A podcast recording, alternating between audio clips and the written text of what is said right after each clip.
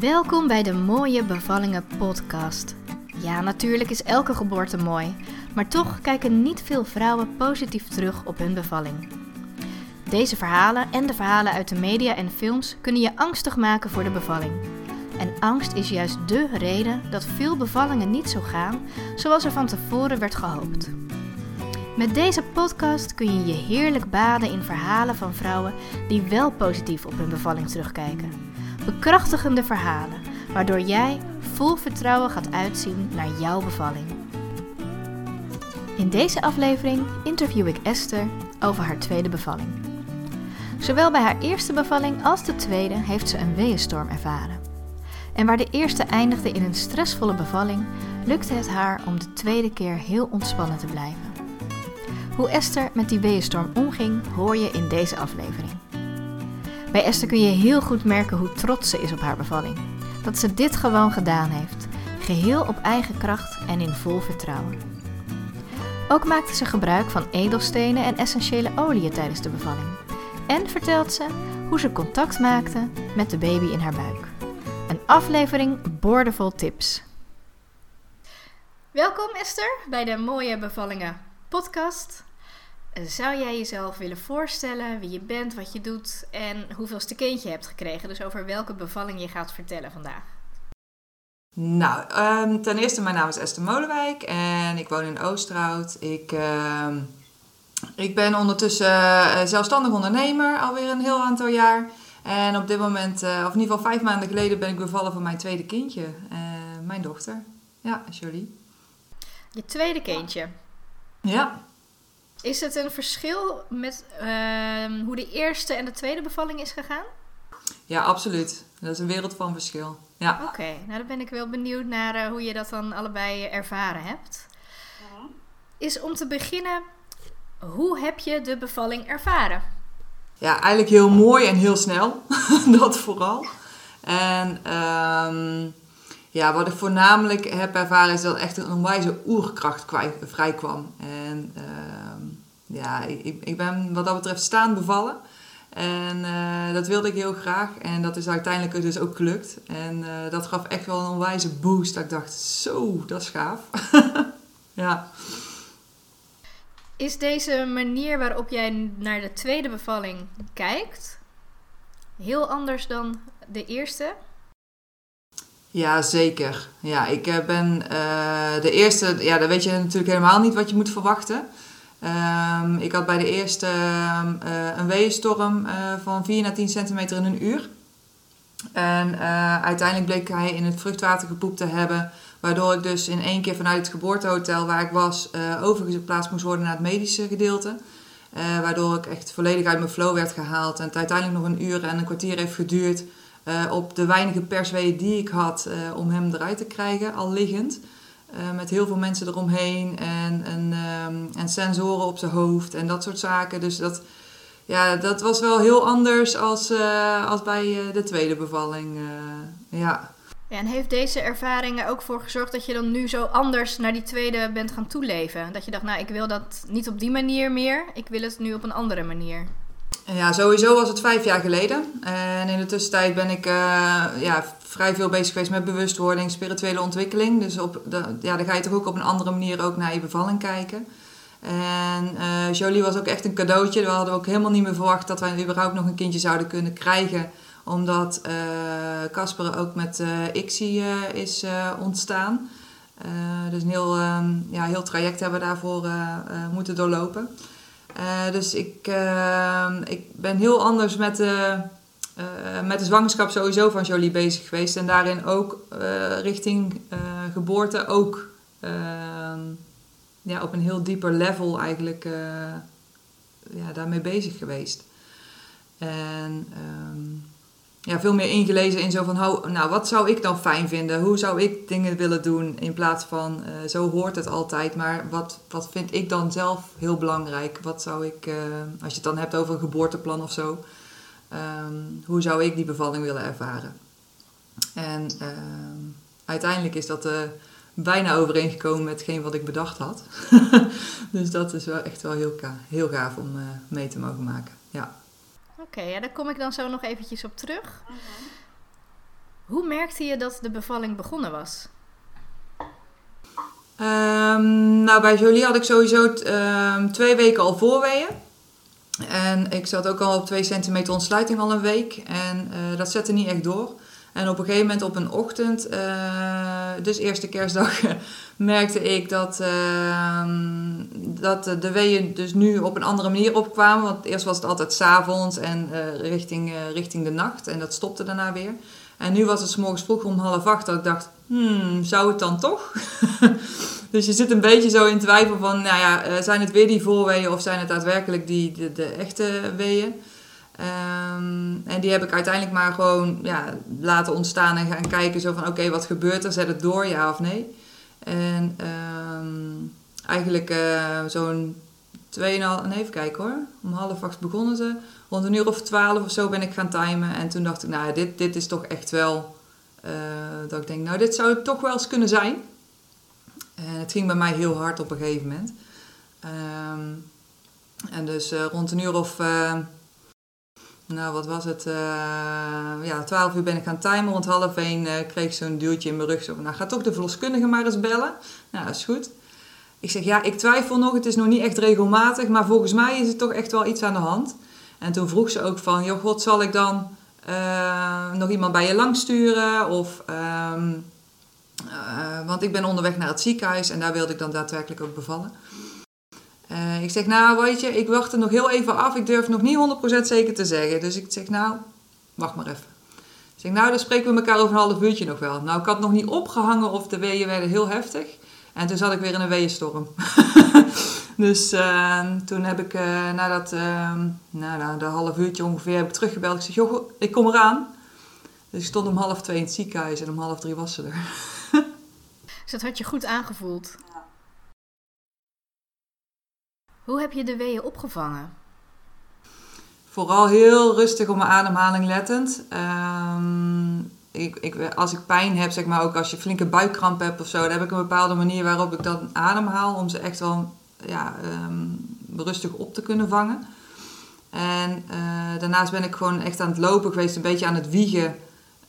Um, en eigenlijk gewoon eigenlijk mijn gevoel gevolgd van waar, wat heb ik nu nodig? Wat, wat, wat, wat geeft mijn lijf mij aan? wat ik nu op dit moment moet doen. En het ging natuurlijk zo snel dat ik uh, eigenlijk alleen maar rond aan het wandelen ben geweest. En meer eigenlijk niet. Nee. Want ik had nog zo'n zo'n uh, zo'n bal waar ik al eerdere uh, ja, eerder al wel opgezeten had. Zo'n fitnessbal, zeg maar. maar daar hoefde het niet. Ik, ik had er geen zin in, geen tijd voor, geen... Ik weet niet.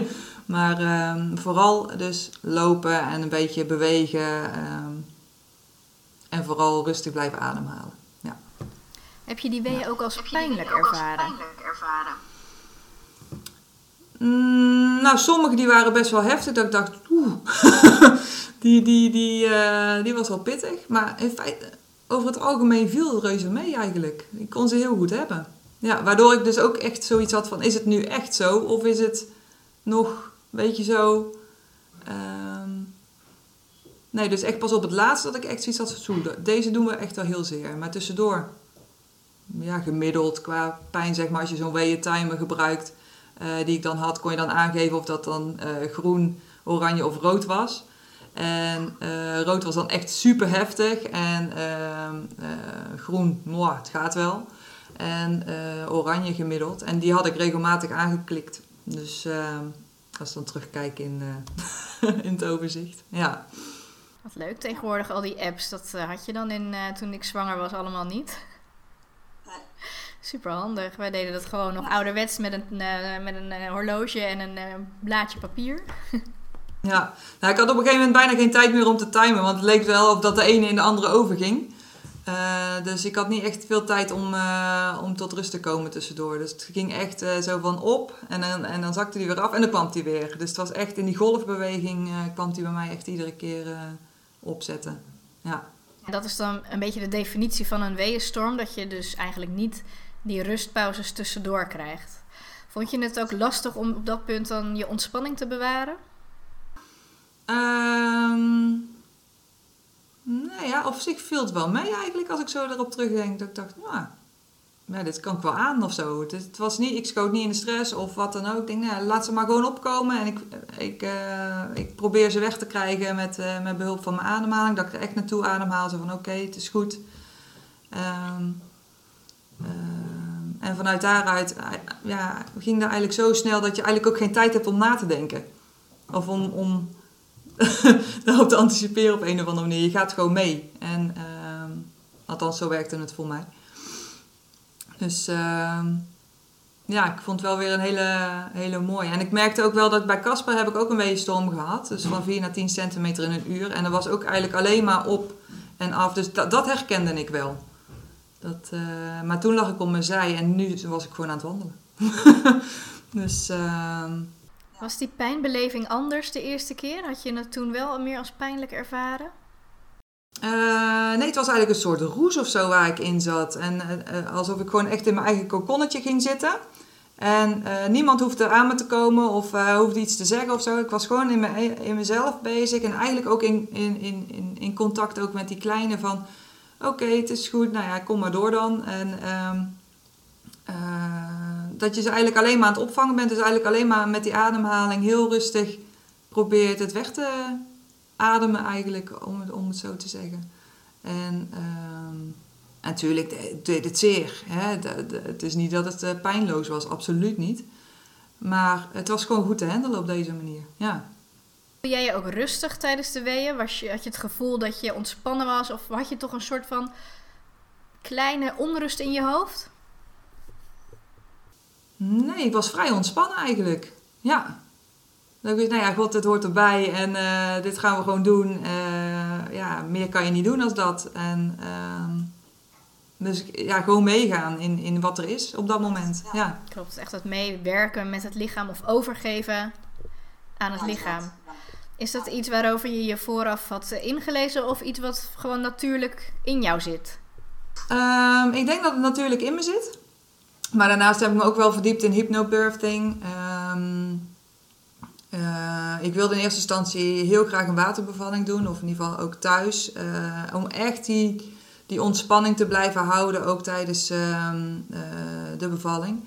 Ehm, maar ik heb daar vooral filmpjes over gekeken, zo van hè, hoe, hoe is dat er bij anderen vergaan en ehm, ja, wat kan ik hieruit leren. Ik ben echt een onderzoekend iemand, dus ik wil heel graag weten hoe bepaalde dingen werken.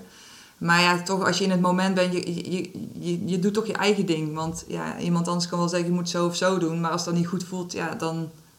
Uh, voor mij werkt dat dan niet. Um, dus ja, ik, ja, voorwerk heb ik daarin wel gedaan, ja. Maar toch, ja, op het moment zelf... Je doet maar gewoon wat, wat je kan. En, en natuurlijk heb ik daar wel wat tips uit meegenomen. Hè, dus... Uh, maar vooral, ja, volg, volg je eigen stroom daarin. Ja, dat, dat, dat heb ik wel mogen ervaren, ja. Oké. Op welk moment braken de vliezen? Uh, bij tien, uh, toen ik aan het persen was. Dus daar zijn ze in principe... Heeft daar niemand aangezeten? Dat is echt spontaan? Nee, dat is echt spontaan gegaan, ja. Tijdens het persen? Had je dat zelf ook zo gewild? Uh, of had je daar van tevoren over nagedacht hoe je dat uh, zou willen? Uh, daar heb ik niet over nagedacht. Nee. Nee. Dat, ja, ik, ik, vond het, ik zou het mooiste inderdaad vinden dat er, niet dat er niet aangezeten werd. Dat het echt gewoon een natuurlijke bevalling zou zijn. Ik wilde eigenlijk, dat heb ik van tevoren ook aangegeven. Ik zeg, luister, ik wil het op eigen kracht doen. Zo min mogelijk aan me zitten. Laat me mijn eigen ding doen. Uh, alleen op het moment dat het echt nodig is, hè, dat het medisch echt uh, onverantwoord wordt voor mij of voor de kleine, dan mogen ze ingrijpen. Maar ik wilde zoveel mogelijk uh, gewoon een natuurswerk laten doen. Ja. En je gaf net aan om half twee was je in het ziekenhuis? Ja, toen stond ik bij de receptie inderdaad. En toen moest ik nog lopen naar, naar de afdeling. Want we zaten in het nieuwe Amphia in Breda was net open. Um, dus het was wel gewoon een uh, polyklinische be bevalling in feite. Um, dus in de kamer waren ook, uh, stond wel een bed klaar en ook uh, de apparatuur voor stel dat er iets is, um, kunnen ze gelijk actie ondernemen. Dus ze proberen ook moeder en kind zoveel mogelijk bij elkaar te houden, stel dat er complicaties zouden zijn. Dus dat was voor mij echt wel een pre. En ehm, ik wilde ook eigenlijk heel graag een bad erbij hebben. want ik dacht, nou ja, dat lijkt me echt wel heerlijk. Ehm, maar goed, kwam ik in die kamer aan en toen, toen keek ik in die badkamer, geen bad. En ik, ach joh, geen tijd voor. Want ik voelde al, het gaat zo snel, gaat dit gebeuren. Ehm, dus op een gegeven moment heb ik maar een plekje gevonden aan een aanrechtblokje. Uh, waar ik gewoon heel makkelijk kon staan en uh, vrij kon bewegen. Want ik wilde echt niet op bed. Ehm, dus ik heb daar een, uh, gevoelsmatig een plekje gevonden, mijn slippers uitgeschopt en daar ben ik gestaan. en ehm, ja, dat was rond tien over half twee, kwart voor twee denk ik. Ja. Is er ergens een punt geweest waarop je hebt gedacht van... ik blijf thuis? Uh, dat heb ik vooraf heel erg gehad. Um, want ik wilde heel graag thuis bevallen. Alleen ik had een. Um, bij Casper hadden ze. Uh, dus bij mijn, bij mijn zoontje heb ik uh, complicaties gehad. Waardoor ik mijn, heel veel bloedverlies had. Dus ze wilden mij eigenlijk um, het liefst een infuus geven. en dus ook ja, onder controle staand laten bevallen. Dus voor het geval dat ik weer dat bloedverlies zou hebben. dat ze gelijk konden ingrijpen. En dus ze wilden die canule ook al van tevoren plaatsen. Dus, um, want ik wist ook op een gegeven moment had ik, uh, ik had bedacht, uh, ik wil thuis blijven, want het is lekker relaxed en dat soort dingen, want ik kan gewoon mijn eigen ding doen. Maar um, op een gegeven moment had ik ook wat dingetjes gezien dat ik dacht, mm, stel dat nou uh, het kindje al geboren is en uh, ik krijg toch complicaties thuis. Dan zou ik alsnog met de ambulance afgevoerd moeten worden naar het ziekenhuis toe. En ik had gezien dat er, uh, dat kindje dan op dat moment niet mee mocht bij iemand. En uh, dus dat je apart van elkaar, of dus eigenlijk gelijk gescheiden wordt. Um, en, en gelijk in de stress schieten van, oh, ik denk nou, dat ga ik niet, dat ga ik niet doen. Ik, uh, en toen heb ik op een gegeven moment ook die keuze gemaakt. Was wel even een proces waar ik doorheen moest om, om, om, om dat om te zetten. Dat ik dacht, ja weet je, ik ga gewoon naar het ziekenhuis. Dan heb ik daar alles um, bij elkaar. En um, stel dat er iets is, dan wordt er gelijk voor me gezorgd. En uh, ook voor de kleine. Dus dat was de keuze die ik toen gemaakt had. Dus het was voor mij heel simpel toen ik op een gegeven moment de verloskundige belde. Dat ik zei, ik kom eraan. Dus er was geen, geen twijfel meer over mogelijk van, ik blijf thuis. Of, ja, of ik had in een vergevorderd stadium moeten zijn dat ze er al bijna aankwam. Ja, dan kon ik niet anders dan thuis blijven natuurlijk. Maar gelukkig heb ik dat gered, ja. Hoe was de uitdrijving? In wat voor houding was je? Hoe voelde je je toen? Uh, nou, ik, ik ben dus staan bevallen. Uh, ik stond aan het keukenblok. In de tussentijd wilden ze dan nog uh, die canule plaatsen om, om eventueel een infuus aan te kunnen sluiten. Dus toen moest ik eventjes zittend op bed. Uh, wilden ze mij dus daar uh, op prikken onder het, onder het licht. Maar ik dacht, nee, dat wil ik niet. Maar ja, goed, dat moest dan op dat moment, want dat vonden ze heel belangrijk. Uh, maar dat lukte niet. Ze hebben me echt helemaal blauw geprikt uh, om, uh, om ergens een infuus te kunnen plaatsen. Uiteindelijk, nou, ik zat midden in mijn persweek. Ik zeg, dit, dit gaat hem echt niet worden. Dus ik had echt zoiets van, blijf van me af. Want je zit zo in zo'n flow, zeg maar. Althans, dat zat ik. En ehm, ik kon daar gewoon eigenlijk, dat, vanaf buitenaf kon ik niet hebben. Um, dus op een gegeven moment, verloskundige zag dat gelukkig. En die zegt, nou meid, doe maar zonder, komt wel goed. Uh, want die zei, ja, die zag ook, dit, dit, dit kan je niet langer volhouden op deze manier. Dus uh, uiteindelijk ik weer terug naar de keukenblok en daar ben ik blijven staan. En um, ja, al met al heeft denk ik de, de hele bevalling een kwartier geduurd. Ja, de hele uitdrijving, ja.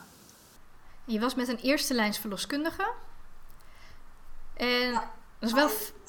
Ja, en wel fijn dat ze jou ook de ruimte heeft gegeven om in die houding te blijven bevallen. Want wat ik heel vaak dan terughoor, is op zo'n moment dat er dan toch gezegd wordt: ga maar op bed liggen, want uh, het persen gaat beginnen. Is dat bij jou ook aan de hand geweest of heb je zelf uh, dit al van tevoren besproken met je verloskundige? Ja, ik had het wel van tevoren besproken dat ik probeerde zoveel mogelijk in natuurlijke houding te blijven. Het liefste staand ook, omdat ik uh, zeker bij Casper ook voelde: het lijkt wel of dat ik omhoog moet persen op het moment dat ik lag. Dat ik denk, dat klopt niet, weet je wel. Zo van, waarom? Is ook. Ik zeg, dat, dat gaat niet, had ik toen gezegd. Ik zeg, dat gaat echt niet. En op een gegeven moment ben ik mijn bekken gaan kantelen en toen, kon, toen ging het wel. Maar ik dacht, maar hoe natuurlijk is het om te staan of in, hurk of wat, hè, op wat voor manier dan ook um, te kunnen bevallen. Um, ik kreeg wel een beetje kramp in mijn benen op een gegeven moment van het staan. Want ja, die, die weeën die, die, die zijn dan zo heftig natuurlijk op het eind.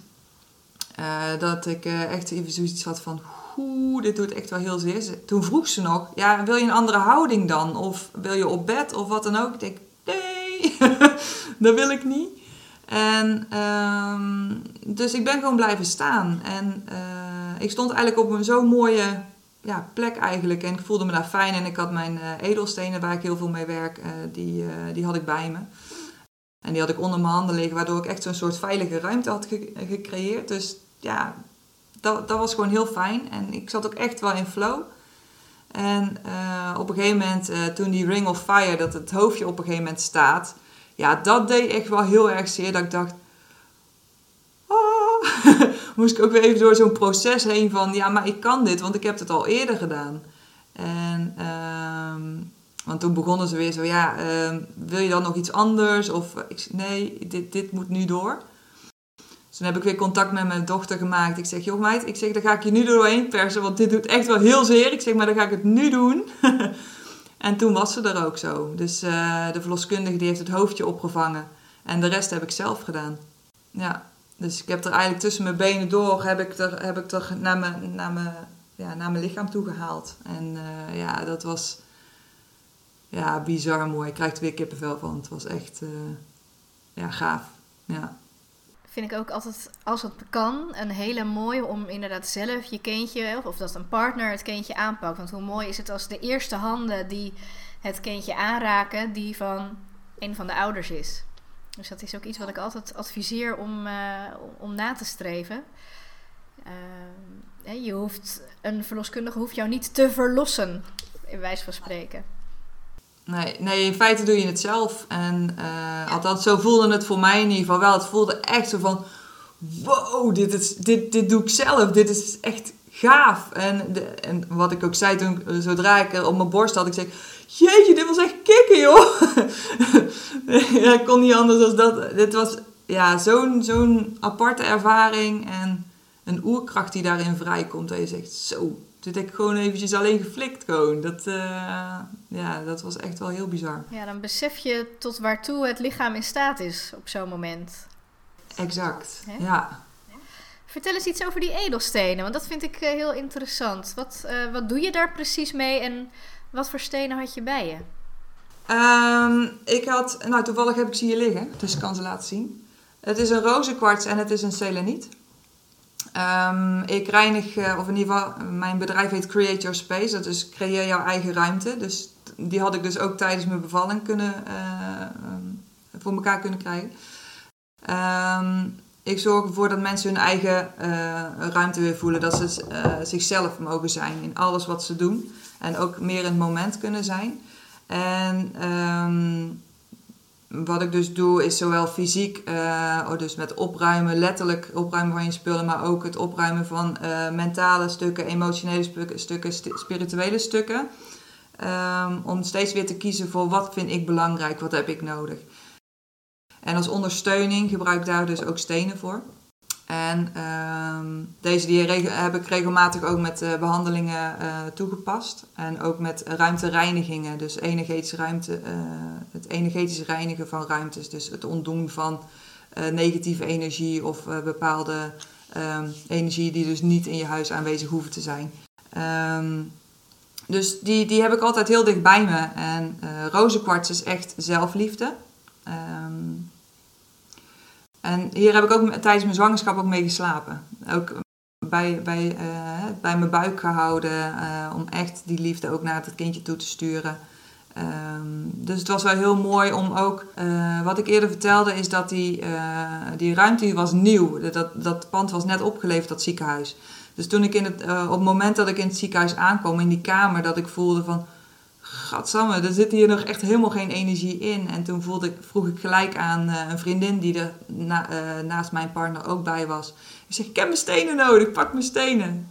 En um, dus, ja, en dit is om, om, om meer spiritueel uh, aanwezig te zijn. Um, dit is een engelensteen noemen ze ook wel. Dus om meer in verbinding te zijn met al het licht wat er om je heen is. En verschillende uh, engelen, uh, nou ja, je, team, zo noem ik het altijd. Ehm, dus deze combinatie is voor mij wel een, een, heilige, heilige ruimte creëren eigenlijk. Dus vandaar dat ik deze steen ook bij me had. En die hebben me ook heel goed geholpen. Ja. Wat mooi. Ook denk ik weer interessant voor andere zwangeren als ze daar meer over willen weten, dat ze dan bij jou terecht kunnen. Zeker. En uh, ook als ondersteuning had ik ook nog essentiële oliën bij me. Die uh, gebruik ik ook dan wel. Um, vooral lavendel om, om rustig te worden. Um, wat had ik nog meer bij me? Um, Stress Away, dat is een, een olie van Young Living. Die heb ik gebruikt. Pepermuntolie heb ik ook echt onwijs veel gebruikt. Voor, vooral tijdens uh, dat je zo misselijk bent en eh, dat soort dingen. En later ook om die, die, die stuwing op je borsten zeg maar, eh, te verkoelen. Ehm, dus ehm, heel waardevol ook om die in te zetten tijdens je zwangerschap en tijdens en na je bevalling, zeg maar. Ja. Klopt. Volgens mij zitten we ook in hetzelfde olieteam. Dat zou zomaar kunnen, inderdaad, ja. Wij wel. Ja, ik gebruik ze voornamelijk in mijn eigen huishouden. Ik ben ook zakelijk member, maar op de een of andere manier schiet dat er toch altijd een beetje bij in, merk ik. En, uh, maar ik ben wel weer van plan om dat weer wat meer op te pakken. Ja. Maar ik vind het vooral voor mijzelf persoonlijk en thuis een hele fijne manier om te ondersteunen. Vooral ook de kinderen. Toevallig vanmorgen, als mijn zoontje is heel hypergevoelig. En die, um, de juf had gisteren tegen, hem, eh, tegen de klas gezegd, tot vrijdag. Maar uh, het rooster, je hebt natuurlijk nu het wisselrooster, dus hij gaat nu elke maandag en donderdag naar school. Dus wij zeggen, nee, je moet morgen, je moet morgen naar school, niet vrijdag. Ja, vanmorgen wordt hij wakker en dan zegt hij, ik ga niet naar school, want de juf heeft gezegd, vrijdag. Mhm. Nou, dan krijgen wij hem dus niet aan zijn verstand gepeuterd dat het dat hij gewoon naar school moet vandaag. En dan, dat resulteert bij hem dus in een, uh, een, een boze, hysterische huilbui. Dan zeg ik, weet je, ga maar even naar de badkamer en ga maar even je witte engeltje opsmeren. Dat is de White Angelica. En dan uh, op allebei je schouders een druppeltje. Ga maar even zelf doen. Nou, en dan, is, wordt hij rustig. Hij is zonder uh, gemor naar school gegaan. We hadden wel de afspraak gemaakt, we gaan naar school. En als je dan ziet dat jouw clubje er staat, dan weet je dat het inderdaad vandaag is. En als je ziet dat het andere klasje er staat, dan had de juf inderdaad gelijk, dan gaan we weer terug naar huis. Nou, dat was voor hem dan een goed, uh, een goed compromis. Maar dat, bij hem is dat uh, heel effectief. Ja, ja, ik zet het ook op allerlei vlakken in. Zowel thuis inderdaad als binnen mijn praktijk. Ja, want lavendel is natuurlijk heel reinigend. En lemon, dat is ook heel erg verfrissend. En uh, nou ja, zo, zo nog een hele schare aan uh, bijvoorbeeld sandalwood of uh, cedarwood. je kan van alles doen. Ja, klopt. Er, is er zijn er heel veel olietjes inderdaad. Dus, ja, ja. ja. Mooi, nou daar kunnen we het nog een ander keertje wel eens verder over hebben. Oh, dat lijkt me een goed idee. Je vertelde net al, je had je partner bij je, je verloskundige, maar ook een vriendin. Wat hebben zij allemaal voor jou betekend? In feite helemaal niks. Ze waren er en dat was heel fijn. En um, Danielle, die was ook, uh, dus mijn vriendin, die was ook bij Casper zijn uh, bevalling aanwezig. En um, ze hebben ook allebei gefilmd, want dat wilde ik heel graag. Um, want uh, bij Casper had ik daar helemaal niks van. En ik had zoiets van, ja, weet je, dat lijkt me wel gewoon heel mooi om gewoon het weer terug te kunnen kijken. Dus ze hadden allebei een videocamera meegenomen, of in ieder geval telefoon uh, met camera. En uh, Maurice die had die opgesteld achter mij en Danielle liep daar zo een beetje mee rond. En... Ehm nou, vooral tijdens uh, het binnenkomen, zeg maar, dat ik Danielle gelijk vroeg: Mijn stenen, geef me mijn stenen. En uh, op het moment dat ik het even heftig had, uh, dat ik dan even een olietje van haar kreeg. Want ja, die, die, die snapt gelijk wat ik nodig heb, omdat zij ook um, ja, gewoon heel goed kan invoelen in wat ik in het moment nodig heb. Dus ik heb vaak aan weinig woorden heb ik voldoende om met haar dan in contact te zijn. Dus dat was heel fijn. En ze kent mijn man ook heel goed. dus echt een hele goede vriendin van ons. En tevens ook de voogd van onze kinderen. Dus ja, dat is gewoon uh, extra speciaal. En, uh, maar in feite ja, konden zij alleen maar uh, kijken en, uh, en, en, eigenlijk weinig doen. En op sommige momenten dat ik, toen ik het even moeilijk had, hè, toen dat, met die Ring of Fire, dat ik echt zo even, zoiets had van... Oh, En hoe, hoe gaat het nu en wat moet ik nou doen? En het doet echt wel heel erg zeer nou. dat ik echt even dat moment had dat, dat ze even positieve uh, woorden zeiden. Zo van ja, je kan dit. En nou ja, even ter ondersteuning. Maar voor de rest was het, uh, ik stond erbij en ik keek ernaar. Ja. Dus je had op dat moment eigenlijk alleen jezelf nodig. Ja. En af en toe een beetje positieve coaching.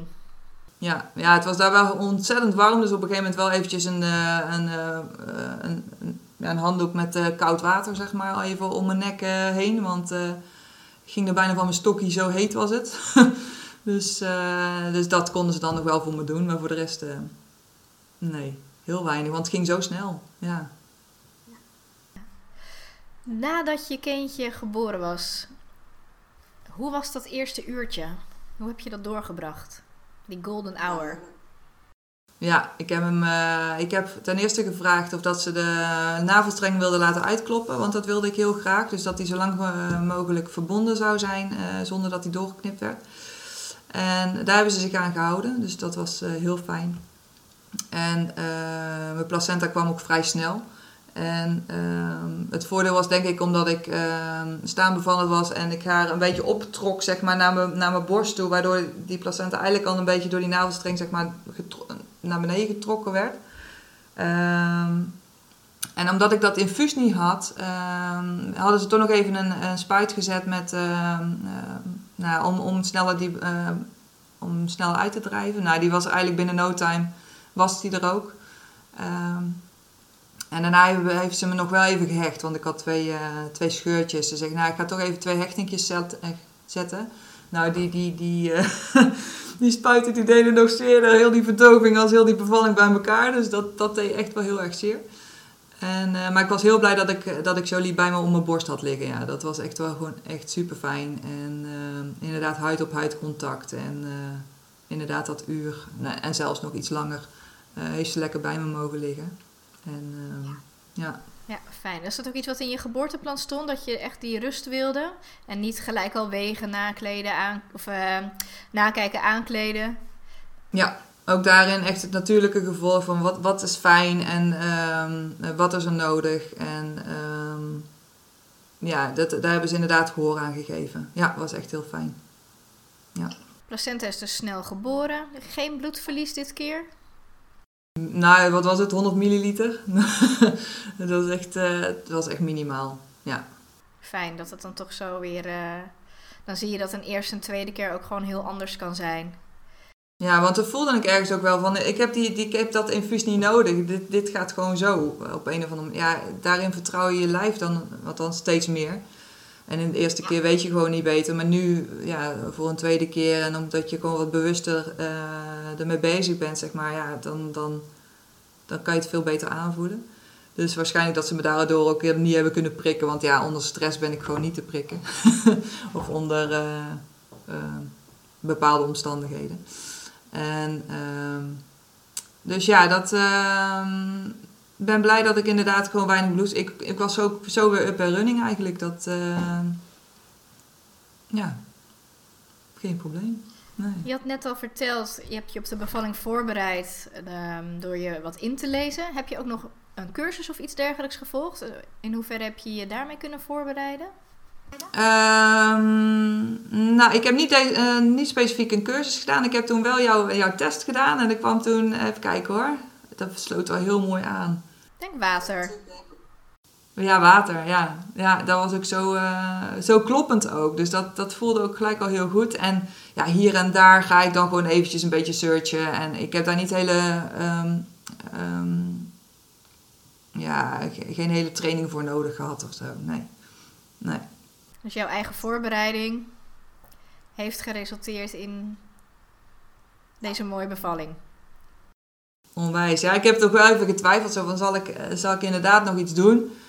Uh, maar toen was ik al vrij laat ook al in, in dat proces. Want ik, volgens mij heb ik hem met week 36 of zo. Ik weet al niet eens meer wanneer dat ik die test bij jou had gedaan. En um, dat ik dacht, ah nou ja, weet je, ik ga het wel zien. Komt wel goed. dat idee.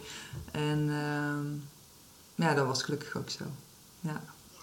Wat is jouw ultieme tip voor aanstaande mama's? Vooral heel erg op je eigen lichaam vertrouwen. Uh, goed aanvoelen van wat heb ik nu nodig. Uh, want ik ben ook heel lang, uh, heb ik mezelf ook helemaal voorbij gelopen dat ik uiteindelijk echt tot rust werd gemaand. Van je moet nu echt gewoon stilzitten, want anders gaat het gewoon niet, dat gaat gewoon niet helemaal lekker komen, zeg maar. Dus vertrouw vooral heel erg op wat je zelf nodig hebt. En geef het ook aan. En spreek uit wat je heel graag wilt. ondanks wat iemand anders vindt of denkt. Um, blijf bij jezelf. En ehm, probeer contact te krijgen met je kindje op wat voor manier dan ook. Um, zodat je al een beetje een band gaat opbouwen. Ik was heel erg, ja, probeerde echt contact met mijn kleintje te maken. En ook te zeggen, god, hè, ben blij dat je komt en uh, we gaan er iets moois van maken. En ja, goed, maak er iets moois van. Maar um, vooral dat, ja. Vooral dicht bij jezelf blijven, ja. Dat contact met je kindje, dat vinden heel veel vrouwen moeilijk. Hoe doe jij dat? Hoe doe ik dat? Ja, um, vooral um, veel rustmomenten pakken. Want in, als je maar door blijft denderen, um, dan, dan, dan, dan, dan lukt dat niet, zeg maar. Uh, want dan ben je alleen maar bezig met allerlei andere dingen. ik heb dat ook een tijd gehad, zeker toen ik met het Happy Life Festival bezig was. Dat uh, organiseer ik eens in het jaar bij ons in Oosterhout. En um, ja, daar was ik dan zo druk mee dat ik daar ook geen tijd voor had. Maar op andere momenten, zeker toen ik dus tot rust werd gemaand en het vertrouwen gaat krijgen, ga krijgen van. Um, en zeker als je een eigen bedrijf, eigen bedrijf hebt, ben je bang, ja god, maar hoe gaat dat nou? Want ik moet toch inkomsten en hoe kan dat nou? En nou, ik zat helemaal in de stress.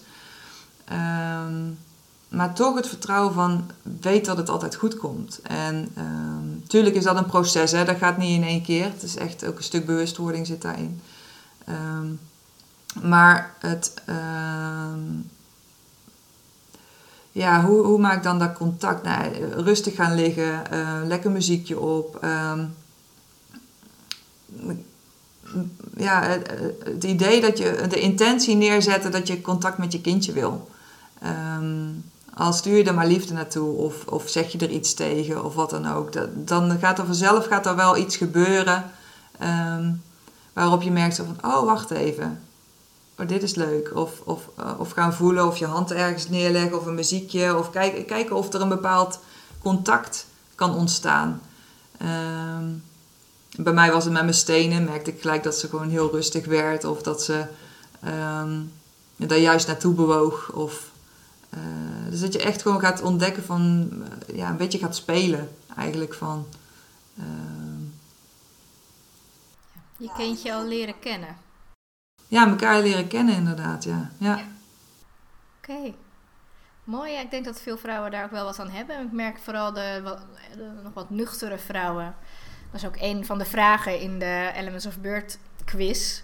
Hoe maak jij contact met je kindje? En dan sommigen zeggen, nou, dat doe ik niet, of dat vind ik moeilijk, of uh, nou, gewoon spelen met de buik. maar echt nog dat bewuste contact, dat is er nog niet heel veel. En dat is ook lastig omdat wij. Ik weet niet of dat iets in onze maatschappij is dat wij een, een baby in de buik nog niet echt als levend wezen zien. Uh, je wordt pas geboren op het moment, of je leeft pas op het moment dat je geboren wordt. Dan, dan ga je wel gezellig tegen zo'n baby kletsen en, uh, en doen. Maar als het in de buik zit, vinden mensen dat toch nog een beetje uh, raar misschien. Of kunnen ze zich nog niet zoiets bij voorstellen. Dus dat probeer ik ook altijd duidelijk te maken van ja, dat is er al. Je bent al, je bent al moeder, het is er al. Je kan ook nu al contact maken. Ja, nu ik er ook aan terugdenk, wist ik eigenlijk binnen nou, de drie weken dat ik wist dat ik zwanger was, zeg maar, net daarna, toen had ik al contact met haar. Toen, toen ik kwam ze al hooi zeggen. Nou ja, goed, op spiritueel niveau, zeg maar, had ik al, had ik al contact met haar. En uh, toen had ik haar naam ook al doorgekregen hoe ze heel graag wilde heten. En um, dus eigenlijk op zielsniveau maakten wij toen al contact. En die naam heeft nou, eh, dat is nu haar tweede naam geworden in haar volledige drie namen. Want ze, ze gaf toen al heel sterk aan van dat zij Lissa heette. En, uh, dus ik heb ook heel lang heb ik haar zo genoemd. Uh, totdat mijn man op een gegeven moment zei: Ja, ja ik vind die naam toch eigenlijk niet zo mooi. En uh, wat, dus ik heb me daar ook echt wel hard voor gemaakt van die naam die krijgt ze toch echt wel. Want dat is haar dat is haar zielsnaam, die hoort gewoon bij haar. En ehm, dus uiteindelijk heet ze Jolie Lissa Maria. Ehm, en ja, dat staat gewoon voor mij voor uh, Maria sowieso voor het vrouwelijke. Het uh, Divine Feminine staat voor mij. En Jolie omdat ze mooi en knap en leuk is. En dat is de Franse naam. Dus um, zo heeft ze toch haar drie namen gekregen die heel erg passen bij haar. En ja, gewoon een heel andere beleving als toen met Caspar. Dat, dat sowieso, ja. Oké, mooi, mooi verhaal ook over de naam. Zo, ja, bij ons kwamen de namen niet intuïtief of iets door, maar wel gelijk dat het goed voelt. En ik denk dat, dat in de zoektocht naar een naam um, moet het vooral goed voelen. En dan is het soms lastig als je met z'n tweeën een naam moet bedenken, want je moet het allebei leuk vinden. Dus dat is wel herkenbaar, want ik had ook bij mijn uh, tweede dochter, uh, vond ik Novi heel mooi, maar dat vond mijn man niet zo leuk. Dus nu is Novi ook haar tweede naam. En uh, ja, zo hebben wij dat op die manier een beetje aangepakt. Ja. Ja, bij Casper wisten we het al meteen hoor, dat Casper moest worden. Um, waarom weet ik niet, maar die naam die, die, die wisten we gewoon. En, um, maar er waren in, wij waren dus al zo lang bezig met, uh, om zwanger te kunnen worden überhaupt. En er waren in onze omgeving al best wel veel kinderen geboren. Lucas, Cas, um, Lucas, ja, ja, god, van alle, allerlei namen waar dat dus al een beetje in zat. Dat ik dacht, ja, uh, moet ik nou nog Casper, weet je wel? Dat ik ook echt wel aan mijn vrienden had gevraagd, ja god, wij willen onze zoon Casper noemen Vind je dat vervelend, omdat daar dus ook de namen in zitten? Nee hoor, helemaal niet. Doe gewoon lekker. En dus uiteindelijk is dat dus ook Casper geworden. En, en natuurlijk moet je daarin ook altijd natuurlijk je eigen plan trekken. Want als jij een naam voor je vindt, ongeacht wat iemand anders vindt of denkt, gewoon lekker doen. Um, ja. Maar goed, dat hadden wij toen vijf jaar geleden op deze manier aangepakt. Maar ja, nu, uh, ja, ik kon hier gewoon niet onderuit dat die naam erbij moest. En dat, zeker omdat ik al, nou, ik denk al wel 15 weken of zo, uh, Lissa zo, zo had aangesproken. Of in ieder geval het contact had met haar. En dat Maurice op een gegeven moment zei, ja, maar die naam die vind ik niet zo leuk. dat ik dacht, ja, maar dat kan niet. Ze moet deze naam krijgen. Ja, dus dat ehm, was eventjes een dingetje. En toen zijn we er een avondje voor gaan zitten. Allerlei namen die, we, die al een keer de revue waren gepasseerd. Uh, ook uh, de meisjesnaam die we hadden toen bij Casper. Ik denk, nee, maar dat klopt niet. Die, die, die naam klopt niet bij haar. Dat is van een andere, andere ziel of zo. Niet van haar. Ja. En um, dus toen uiteindelijk zijn we gewoon een beetje gaan, gaan spelen ermee. En toen waren we binnen een avondje uit dat het Jolie moest gaan worden. Heb je als um, afsluiter nog iets wat je nog kwijt wil? Wat je nog vergeten bent? Ja, nou ja, wat ik al eerder aangaf, blijf vooral je eigen gevoel volgen, ook tijdens de bevalling. Um, wat ik dus echt wel heel vervelend vond, is dat ze mij dus gestoord hebben, omdat ze per se nog dat infuus wilden zetten. Uh, dat heeft me echt wel eventjes uit mijn kracht gehaald op dat moment. Gelukkig duurde het niet te lang, waardoor ik niet helemaal uh, weggeschoten was, want dat kan wel eens gebeuren, dan kan, kan je per se kwijtraken, had ik bij Casper gehad. Dus blijf vooral echt aangeven wat jij nodig hebt. En... Um, ja, ik zou echt, als, als het je lukt, ga vooral voor een natuurlijke bevalling. Uh, mochten er geen complicaties zijn of wat dan ook, probeer dat ook echt. Uh, maar ja, daarin um, ook weer eigen keuze natuurlijk. Maar ik zou het zeker aanraden. En staand, uh, zeker verticaal, is zoveel makkelijker als dat je horizontaal op een bed moet gaan liggen. Dat, dat, nou ja, voor mij voelde dat gewoon echt niet goed. En... Um, ja, laatst hoorde ik ook wel eens zo van iemand, uh, een, een, een, mannelijke gynaecoloog of zo, die had bedacht, zo van ja, god, uh, ooit, van uh, ja, laten de vrouwen maar gaan liggen, want dan kunnen we er makkelijker bij. Maar ja, kijk eens in Afrika waar ze, of weet ik veel waar, niet een medische middelen hebben. Die, die vrouwen die, die, die baren die kinderen gewoon achter een boom gehurkt. Dus ja, weet je, natuurlijk is, is verticaal. Maar ja, daarin ook. Uh, en ja, zonder pijnbestrijding heb ik het dus kunnen doen. Doordat ik het dus een hele goede ademhaling uh, technieken uh, heb kunnen toepassen. Um, dus mocht je die zelf niet hebben, ja, ga er alsjeblieft naar op zoek. Hè. Ik bedoel, ja, weet er genoeg van. Um, ja, ik zou dat zeker adviseren om daar op die manier naar te gaan kijken. En je goed te laten ehm, eh, helpen om je bewust te worden van hoe kan ik dit nu als vrouw zijnde ehm, zo fijn mogelijk uh, ervaren. Ja. Dankjewel. Een mooie afsluiter denk ik zo. Ja. ja, mooie waardevolle tips en leuk om te horen over hoe jij de edelstenen en de essentiële olie hebt ingezet. En uh, ja, dan wil ik uh, bij deze het gesprek afsluiten en jou heel hartelijk bedanken voor je mooie verhaal. Heel graag gedaan, want ik had uh, inderdaad de intentie neergezet om mijn verhaal te mogen delen. En daar krijg ik bij jou nou de mogelijkheid voor. Dus uh, ook jij heel erg bedankt. Ja, zo zie je, toeval bestaat niet, is altijd mijn motto. Nee, nee. Heilig van overtuigd tegenwoordig, ja. Ja, goed, dankjewel. Alsjeblieft, dankjewel. Bedankt voor het luisteren naar de Mooie Bevallingen podcast. Kijk voor nieuws en tips op mijn Instagram, Esther Koppelaar Geboortecoach of Elements of Bird. En wil jij ook zo'n mooie bevalling beleven? Neem dan eens een kijkje op www.elementsofbird.nl